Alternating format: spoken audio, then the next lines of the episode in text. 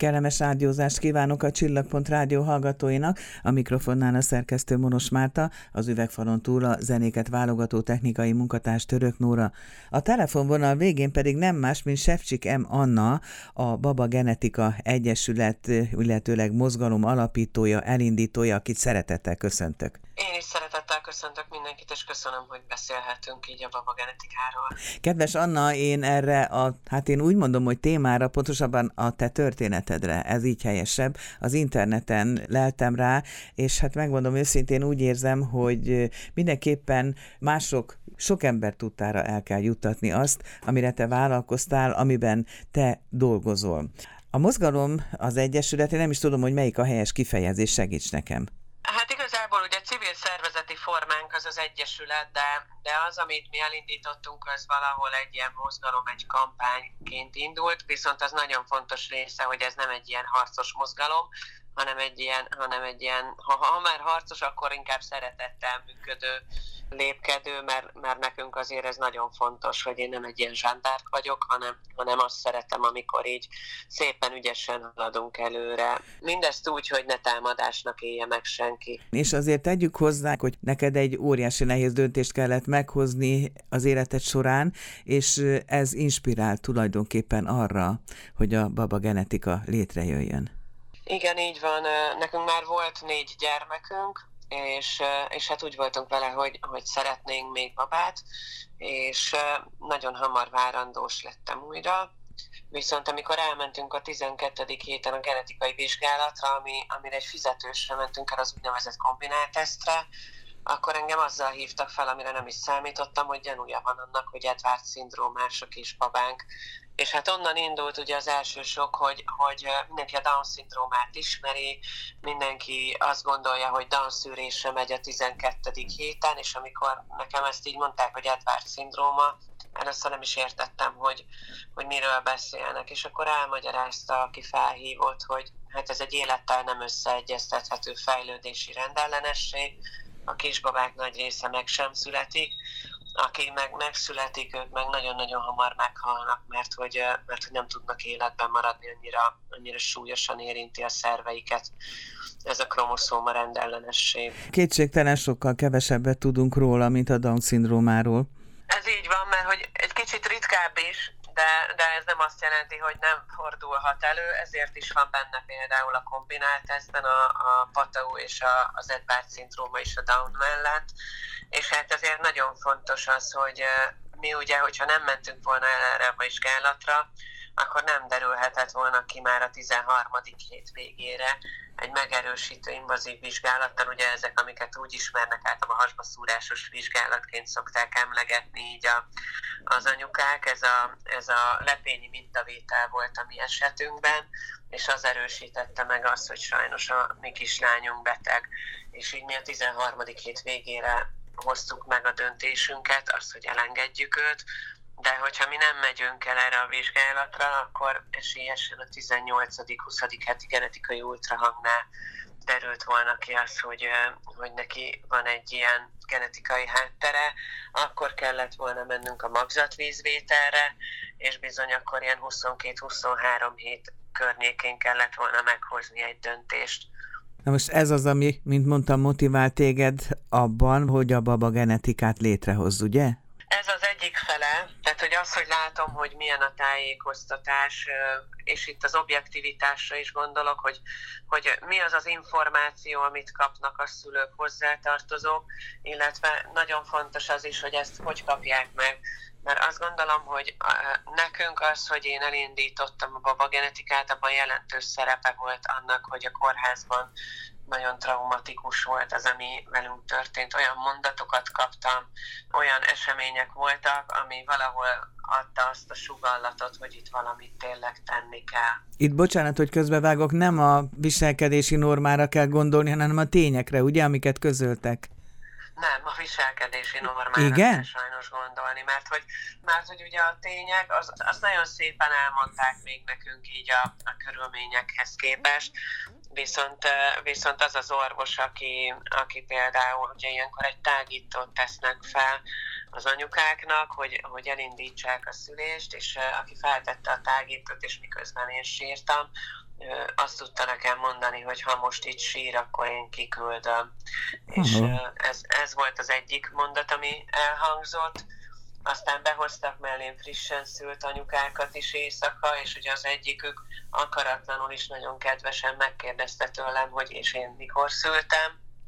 És hát ez ilyenkor nem csak nekem fájdalmas, hanem neki is mert hogy, mert hogy ugye a válaszom az neki is így feltehetően megérintő volt és rosszul eső. Lenné több az, amire vállalkoztatok, mert gondolom, hogy a te történetedet, illetőleg más hasonló történeteket megpróbáltok közhíré adni, tenni, és mindemellett ezeknek közös célja van, hogy felhívjátok a figyelmet ennek a szűrővizsgálatnak a jelentőségére innen indult igen, hogy, hogy felhívjuk a genetikai vizsgálatokra a, a figyelmet, hogy mennyire nem mindegy az, hogy milyen vizsgálatok vannak, hogy, hogy mikor jutsz hozzájuk, hogy jutsz hozzájuk, mert ugye az is benne van, hogy nagyon sok térítéses, és hát bizony nem mindenki tudja ezeket megfizetni. Tehát, hogy az egy dolog, hogy abban segítsünk, hogy eljussanak a megfelelő szakemberekhez ezekre a vizsgálatokra az emberek, de még kiemeltebben fontosnak tartom azt is, hogy adott esetben mi anyagilag is segítünk abban, hogy megkaphassanak egy vizsgálatot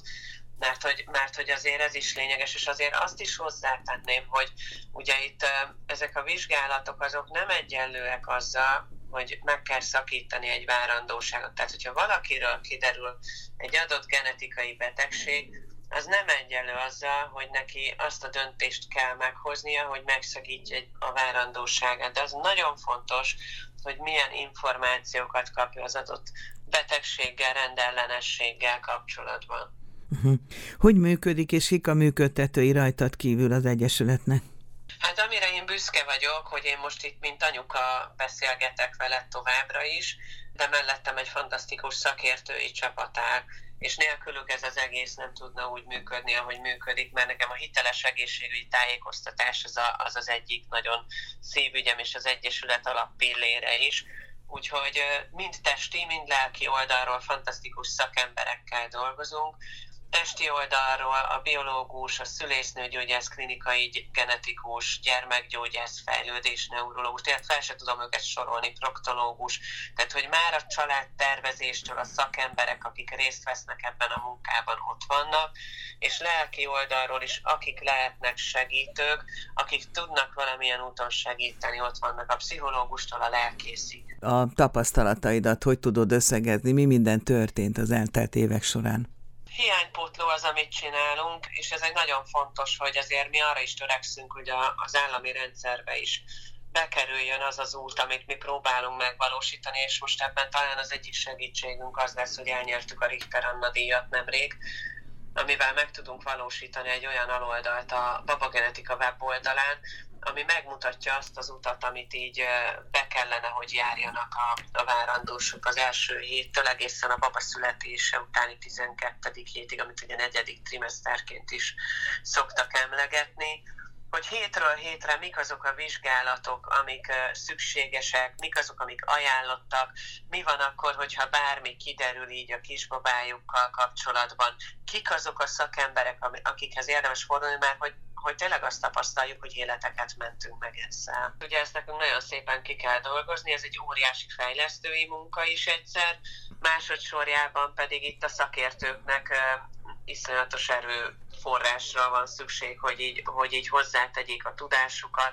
Úgyhogy ez itt egy, egy nagyon nagy csapatmunka, és a Buróbrigádban öt tag van, de igazából itt sokkal szélesebb körben fogunk kimozdulni szakértői szinten, hisz meg fogunk szólaltatni kardiológusokat, fejlődésneurológus, sebészt, tehát hogy tényleg nagyon sok területről fogunk olyan szakembereket megszólaltatni, akiket mi hitelesnek tartunk és fontosnak, hogy megmondják ők is azt, hogy miért lényeges az adott esetben, hogy egy várandóság alatti vizsgálatnál akár konzultálhasson egy sebésszel, például a kismama, mert hogy nem mindegy ugye, hogy születés után mi történik azzal a, azzal a babával, és ezt nagyon sokszor a születés előtti szakemberek nem tudják. Mi igyekszünk minél több helyen ott lenni és, és beszélni. Most például lesz egy élőzésünk ezekkel az invazív vizsgálatokkal kapcsolatban, ahol ugye szakértőkkel fogok erről beszélgetni, hogy mik is azok, miért van rájuk adott esetben szükség, mit tudnak megmondani.